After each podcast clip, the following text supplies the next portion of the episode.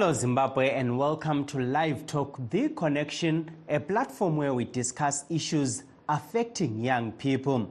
We are coming to you live from Studio 7 at the Voice of America in Washington. I am your host, Tabaka Ngube.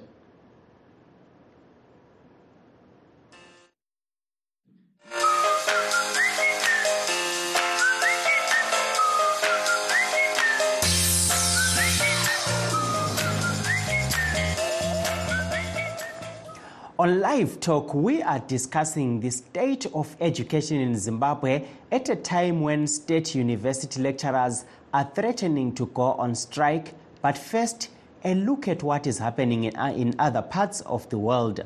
U.S. election authorities say they are confident that they will be able to fend off any security threats to the November presidential vote.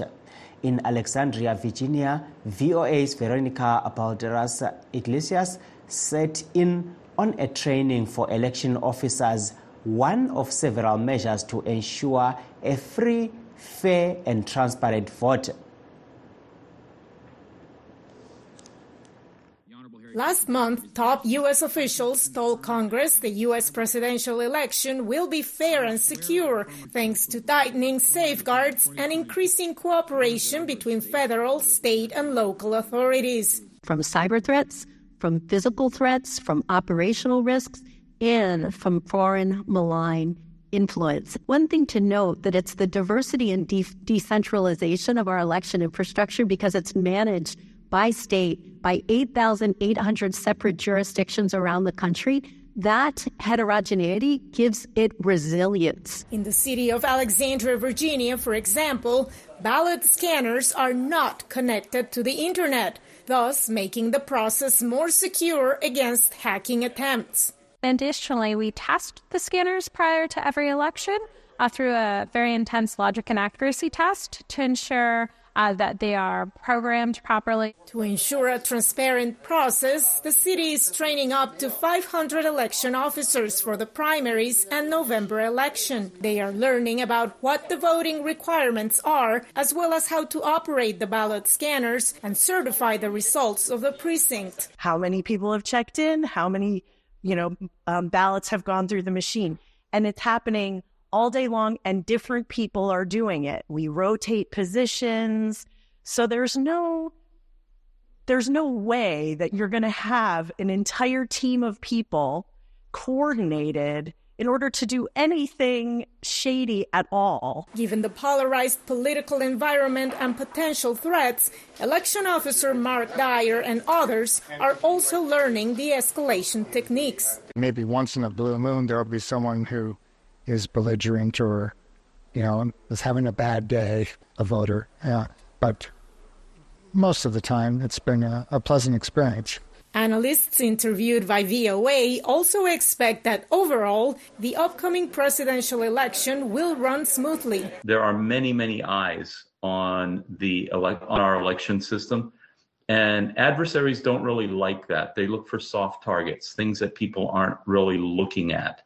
And so I feel that for those reasons, there really won't be much of uh, a security uh, a security event, if any, around the 2024 elections. But there is another kind of threat that voters should be aware of, voting advocates say. There is mis and disinformation being sowed about the voting systems and how things work uh, to undermine trust in our democratic process. I think that is actually a much bigger concern. American voters are being encouraged to remain vigilant, volunteer as poll workers or observers themselves, and reach out to authorities if they have questions about how the election process works. Veronica Balderas Iglesias, VOA News, Alexandria, Virginia. In local news, opposition leader Tendai Biti was today fined 300 United States dollars or six months in jail after he was found guilty yesterday of assaulting a Russian businesswoman, Tatiana Aleshina. His lawyer, Alec Muchadehama, speaks to journalists in Harare. Today we submitted our factors in mitigation, basically where we were saying far from what has been portrayed about Tendai by the state and the complainant. Tendai Biti is basically a good man. That is the long and short of what I was saying. The state was also trying to say uh, Tendai Biti needs to be punished more than is necessary. So at the end of it all, the magistrate then sentenced Tendai Biti to pay a fine of 300 US dollars in default of payment, six months imprisonment. And in addition, the has also imposed a six months imprisonment suspended for five years on conditions of good behavior. So that is basically what has happened in court. But going forward, I can assure you that uh, we are going to appeal both the conviction and sentence. I already have uh, the draft of appeal, and by tomorrow, this time the appeal will have filed. Uh, I must indicate, of course, that uh, both myself and Tendai are extremely disappointed uh, with the conviction, uh, but not surprised that uh, it has come to that. And this is why we are going to appeal to the High Court. So that is uh, the situation so far. Thank you very much. That was uh, former Finance Minister Tendai Biti's lawyer Alec Muchadehama speaking to Studio 7 in Harare. The Russian uh, Tatiana Aleshina uh, tells uh, Studio 7 that she feels uh, justice has been served. Uh, justice been revealed, and that is a positive. It gives us hope to Zimbabwean women. Zimbabwe got justice. Even it take long term, four years, but I learn a lot. I learn, I realize if we women cannot stand up for our rights, uh, justice will be not revealed. But I believe Zimbabwe got the future, and I'm happy to say this victory, what happened today, it's not my victory. It's a Zimbabwean woman victory, because today we, I want to encourage all Zimbabwean people, especially women who've been abused. Doesn't matter verbally or physically, but they can stood up for their rights. And I nothing to do personally with Tendai Biti or anyone but let him learn the good lessons. Respect women and respect not only women, everyone in this country. Um, that's my comments. Yeah, thank you so much. That was uh, Tatiana Aleshina speaking to Studio 7 in, in Harare. Please uh, stay tuned as we take a brief break. In times of change, when the world seems uncertain and what we hear doesn't reflect what we see, we seek the truth. When we are told only part of the story, we lose trust. In moments of crisis, our dreams, hopes, and wishes for a better tomorrow depend on a free press. At Voice of America, we bring you the stories that people take risks to see. We connect the world and unite it with truth. At Voice of America, we show you the whole picture. For those uh, that have just joined us, please note that we are streaming live on our Facebook pages VOA Shona, VOA Studio 7, and VOA Ndebele. We are also live on YouTube, VOA Zimbabwe. Today, we are talking about the state of education in Zimbabwe at a time when the Ministry of uh, Primary and Secondary Education has started engaging uh, teachers' unions, uh, lecturers, and others uh, Eh, at a time when they are threatening to go on strike tomorrow over low salaries while the government says it is addressing their concerns. To discuss this issue, we are joined on the phone by Alderman Moses Mbimbi, founder and executive director of Friends of Education Africa, Zinasu outgoing NASTA chair Chris Fundirwa, and ZANU PF information officer Francis Mofambi. Welcome to Live Talk, gentlemen. Thank you. Thank you very much. Thank you. Thank you. Um, I'll start with you. Thank um, you. Thank you. Thank you. I'll start with you, uh, Mr. Mbimbi. Uh, looking at the education sector in Zimbabwe, what is uh, the state of uh, the sector in Zimbabwe? Where are we right now? Uh, okay, thank you very much for, for, for the question. Um, I think uh, your question um, needs to be approached from different angles, but angle number one, which I would be more comfortable discussing, to, to say uh, the education sector, like any other uh, key uh, development sector in the country, is a developing sector with the challenges and opportunities that are also uh, bedeviling the same uh, each and every other sector. But uh, most importantly to note is that uh, the challenges, some of them have been perpetuated over a long period of time, and the, um, they are still work in progress, as well as also some of the opportunities that have been presented in the education sector have also opened a lot of um, uh, doors for the sector, for stakeholders, uh, students, as well as also even other partners. And the ministry at large also has got a lot of opportunities and challenges um, managed to, to, to, to, to have access to as a result of some of the key developments that have taken place in the sector. Thank you. Um, eh, ngibuye kuwe laphana fundirwa eh, sikhangela uhlangothi lwezemfundo ezimbabwe na ulubona njani eh singathi kumi njani ezimbabwe eh ikhangele isimo semfundo yalapha ezimbabwe ngesikhiwa ngingathi mina sine-crisis enkulu ngoba kunje so ngikhuluma ngimele ama-tertiary students. We are seeing a lot of tertiary students besuka lapha ezimbabwe besiyakhetha ukuyafundela kwamanye amazwe.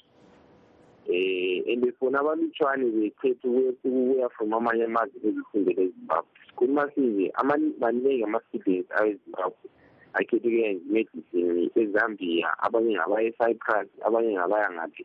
And i think khonokho nje kutshengisa ukuthi hhayi imfundo yalapha is not really satisfactory.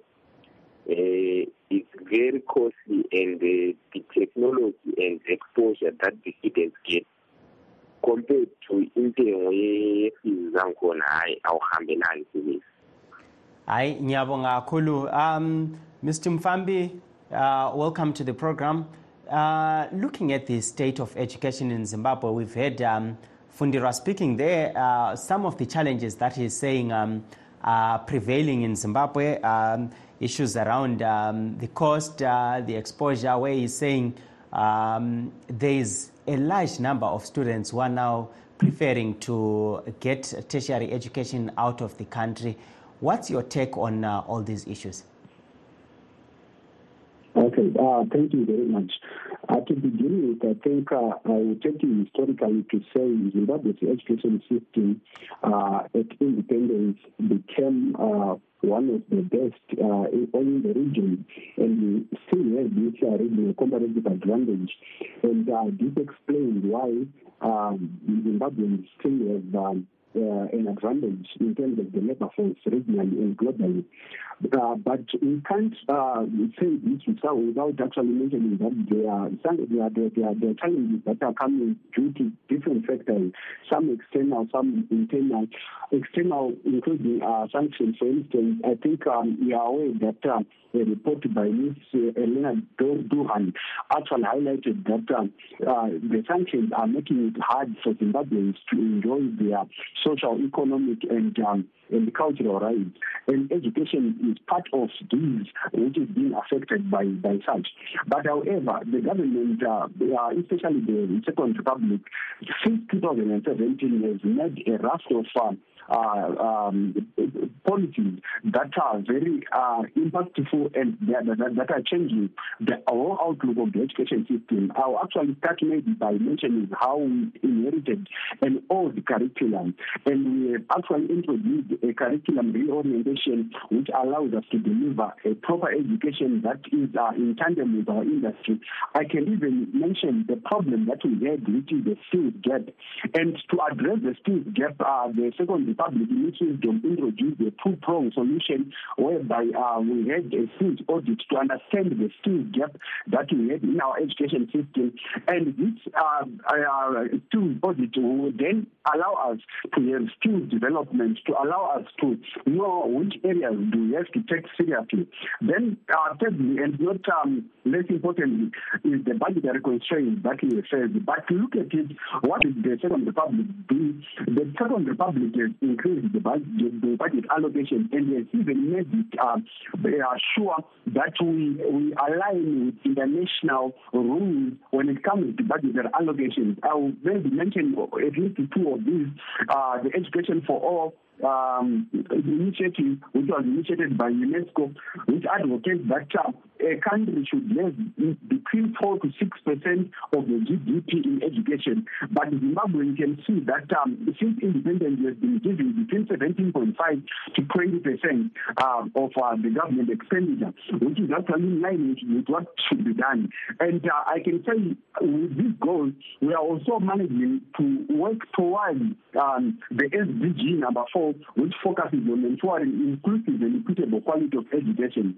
And to show that uh, we are serious about this, the government has introduced the Education 5.0, which focuses on research, innovation, and industrialization. And as I speak today, it is common cause that um, we have innovation hubs at all, um, at the majority of the state-owned universities, which will allow our, our youth to make sure that they can research, they can innovate, and they can industrialize or bring their, or force their ideas. Thank you very much. Thank you, uh, Mr. Mfambi. Uh, there's a caller uh, on the line. Uh, hello, lingenile kuhlelo salibonani. yebo baba ninjani Hayi siyaphila linjani? Eh lisixhuma lingaphi lapha? eh sifumana nje ngise-south africa wemanje Hayi siyabonga kakhulu. Eh lingaphosa lapha umbiko wenu eh libona njani udaba lwemfundo eZimbabwe lapha? Udaba lwemfundo yasekhaya lumihle kakhulu mhlonishwa ngenxa yokuthi um abafundisi bethu um abafundisa iy'ngane zethu ikolo labo liphansi kakhulu uma ngabe sibheka kakhulu i-cost of living bese kuyothi um nabafundi um kuba nzima kakhulu ukubana bekhokhelwe i-school fees ngoba kuyimanje i-insurance ayikho ezweni lethu lomgwaqo Hayi siyabonga kakhulu baba eh ngombiko wenu lo eh tidzoke kwamuri eh vambimbi tichitarisa eh pamambotaura mambotaura kuti pane maopportunities aripo eh, anogona kunge achibatsira pakusimudzira nekuvandudza eh, dzidzo muzimbabwe. Eh, tichitarisa kuti uh, pane matambudziko akawanda eh, ataurwa pano e, ndeapi ndeipi mikana yamunoona iripo yekuti kunge kuchivandudzwa dzidzo muzimbabwe? Um into engayisho Ndinganga- ndingangotanga nekuti vanhu vanotarisa machallenges. Nguva zhinji and they, they, they look at them as a problem asi taati machallenges. Saka izvozvo zvino zvoga zvinoratidza kuti kana tichitarisa senyika yezimbabwe eh, tichitarisa dziri nyaya dzeeducation. Chekutanga tinofanira kuongorora toona kuti kana zvikoro zvedu zvainenge zvichiti waiti wana chikoro pano chiri cheprimary school wozowana chimwe chikoro chesecondary school chiri 20 kilometers away. Iyoyo ichallenge iriko kuvana. Asi hurumende yakaita basa guru zvikuru sei second republic yakatanga kumeka sure kuti at least within a five kilometer radius panofanira kunge pane chikoro. So as far as infrastructure development in line with the education sector is concerned ipapo hurumende yakatoona kuti we need to commend the great work that government is doing. Eh, touya also panyaya yeaccess so nyaya yeinfrastructure and access to education. Ipapo pane basa guru riri kubatwa nehurumende ndomimwe mikana yacho iripo yekuti vana pavaiperera magrade seven nyange vapasa nyange vane chido chokuenderera mberi nechikoro. Kwaishayiwa kupedyo pokuenda vachinoita chi? Form one. Izvozvo zvoga zvinoratidza kuti pane basa guru riri kubatwa kunzvimbo dzakasiyana munharaunda yezimbabwe. Tochitarisa zvekare pane nyaya dzecost of education. Cost yeeducation muzimbabwe hainyanyodhuri zvakanyanya. Asi maybe tinofanira kuzotarisa uh, visa v in terms of uh, there's an element where at some point in time or even uh, nowadays is a bit different. Uh, pane ka-element ke-rtgs factor and the usd factor in terms of uh, ma-salaries and ma-allowance that people get ma-various uh, employment uh, kwavanenge vari but whether uchiita business and as uchikwanisa kubata usd tichipega at usd value. We can't say education is uh, unaffordable in zimbabwe. That's not true. But what we need to look at is a country like zimbabwe uh, subjected uh, or sanctioned by other countries and you notice that it is, it is bedeviled with a lot of economic challenges these are challenges affecting the country not specifically the, uh, targeting the sector only. But what then happens is the sector is at the receiving end. Because if parents are not having enough economic opportunities, they struggle to get uh, fees. And mostly they have challenges in terms of having their kids not going to school. But uh, also when you talk of um, uh, maybe uh, the, the, the, the, on the teaching staff uh, which is the side of the skill transfer part of it, where the teaching staff have also to be satisfied in terms of uh, how much they earn and also so that they're able also to stay on their jobs. We have got a big challenge where, uh, as a developing economy, there I would say there's a lot of work that government needs to do. It's not only an issue of engaging um, uh, uh, the sector and negotiating for, for, for, for salary increase, but we need to innovate around how best can we be competitive in terms of uh, remunerating our teaching staff. Uh, this is what I, I see uh, because private schools are currently doing very well in terms of uh, remunerating their their teachers and their teaching staff, and they are actually um, uh, attracting a lot of uh, teachers from government schools to their private institutions. And because they are running them as a business, therefore, there is somehow you can see that there's a level of sustainability in the running of the of the school business at a private institution, which is opposed to what we are seeing at a government um, institution. That is where I see some challenges, where opportunities need to be explored as far as um, opportunities to fund, uh, particularly on that. So Thank we've got school development associations, we've got um, uh, development partners, a, a school as a business cannot run without partners, cannot run without also investment that is put directly into the school. If we only rely on school fees, then we've got challenges. So these are things that I see, but the opportunities that are naturally available on the ground come Thank you. result of uh, some of the things that we can convert into value. For technical training institutions, the whole idea is to innovate, produce products that we take to the market if you carpentry produce products that you can take to the market and sell. And from there. Thank you, Mr. Mbimbi. Um, now, on the cost, um, when you're saying uh, it's affordable, muri kureva muchitarisa dzimwe nyika dzatakavakidzana nadzo kana kuti muri kutarisa mari dziri kutambirwa nevanhu. Nekuti e, takambotaura zvekare nevadzidzisi vachiti ivo mari dzekuchikoro dzakawandisa nekuda kwekuti mari dzavari kutambira idzo havazogone kuendesa vana vavo kuchikoro tichitarisa zvikuru kumayunivhesiti kuti vanoti e, mudzidzisi mumwe chete akaita vana vaviri kana vatatu haachagone kuti avaendese kuyunivhesiti izvi munozviona sei matara zvakanaka and you, you are clearly biased towards a teacher who is uh, who is also a parent. Those are two different um, uh, uh, positions. If you are a teacher and you are a parent, uh, you rely on uh, uh, your salary to take your kids to school. And we are saying in a country like Zimbabwe, where a teacher is a civil servant, like a, someone who is in the military, in the police service, in the prison, in the correctional services, in the national park or anywhere, you are part and parcel of the civil service. Those people earn an equal amount of money. So it's not something that is only relative to the teaching staff.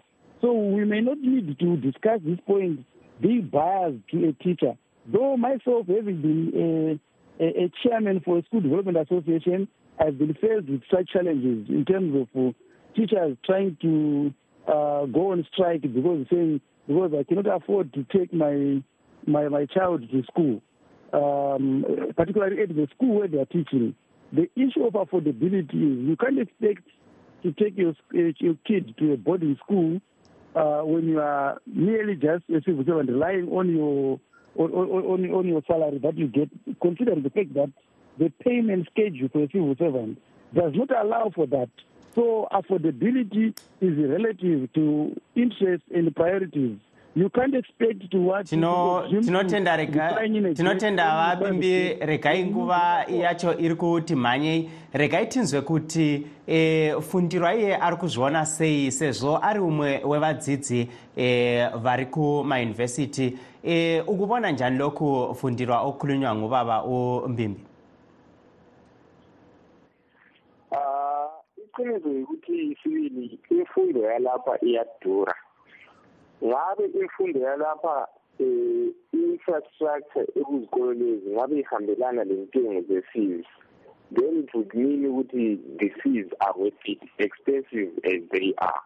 But isikhayela esinje sikhayela khonokho sikushoyo ukuthi abazali imali abaziholayo zivele ezincane then i-fees yena iphinde ibe nkulu. But usufunda futhi esikolo lesiyana uthola ukuthi ama-lecturers are not earning enough.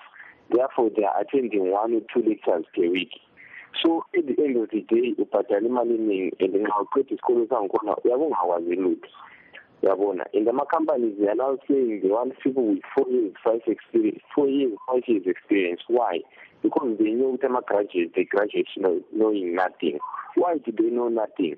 Because esikolo the quality of education that they are getting is not enough compared to the fees that they are paying Thank you. Um, Mr. Uh, Mfambi, I'll come back to you. Show, um, uh, briefly, um, what's your take looking at uh, the unemployment rates in Zimbabwe? does that reflect uh, on our education system or it's a different issue altogether? Okay, I needed to um, comment on the issue of um, um, the remuneration and um, uh, those things that you have raised. I think uh, the government and uh, the Zambia government, to, to mention, has been very clear and has been listening to its employees and has always tried to implement pecuniary and non-pecuniary reward to its employees. We can't then say um, employees should be satisfied with what is being offered by the government, but we are always in um, uh, continuous discussions with them to see how we can better uh, the the the the the, the, the, the terms of condition uh, and conditions of service. However, this is looking at the teacher or the, the the service provider. But on the learner side, the government has been doing a lot of things, including subsidizing uh, education. I think uh, if you saw the the charts of how uh, the exam fees are going to be paid, you can see that in government schools, the government will um, subsidize the majority share of the amount that is being charged by ZIMSEC. And equally, you have seen that um, uh, the government is trying to strike a balance the rural learner and the urban learner. And how are they doing this? Um, the previous speaker spoke about how we have managed to create schools that are five kilometers radius from each other. And actually, from uh, from 2017, there are more than 2,000 schools that have been built by the Zambian government owing to the um, devolution fund. And, and, and, on top of that, they've made sure that uh, information centers that brings technology or computers. Thank you. I think you, you Thank you, Mr. Mufambi. Unfortunately, uh, our time has uh, run out, but let me take this opportunity to thank you all for coming on the program. Uh, and that brings us to the end of our show. Signing off in Washington, I am Taboka Ngube.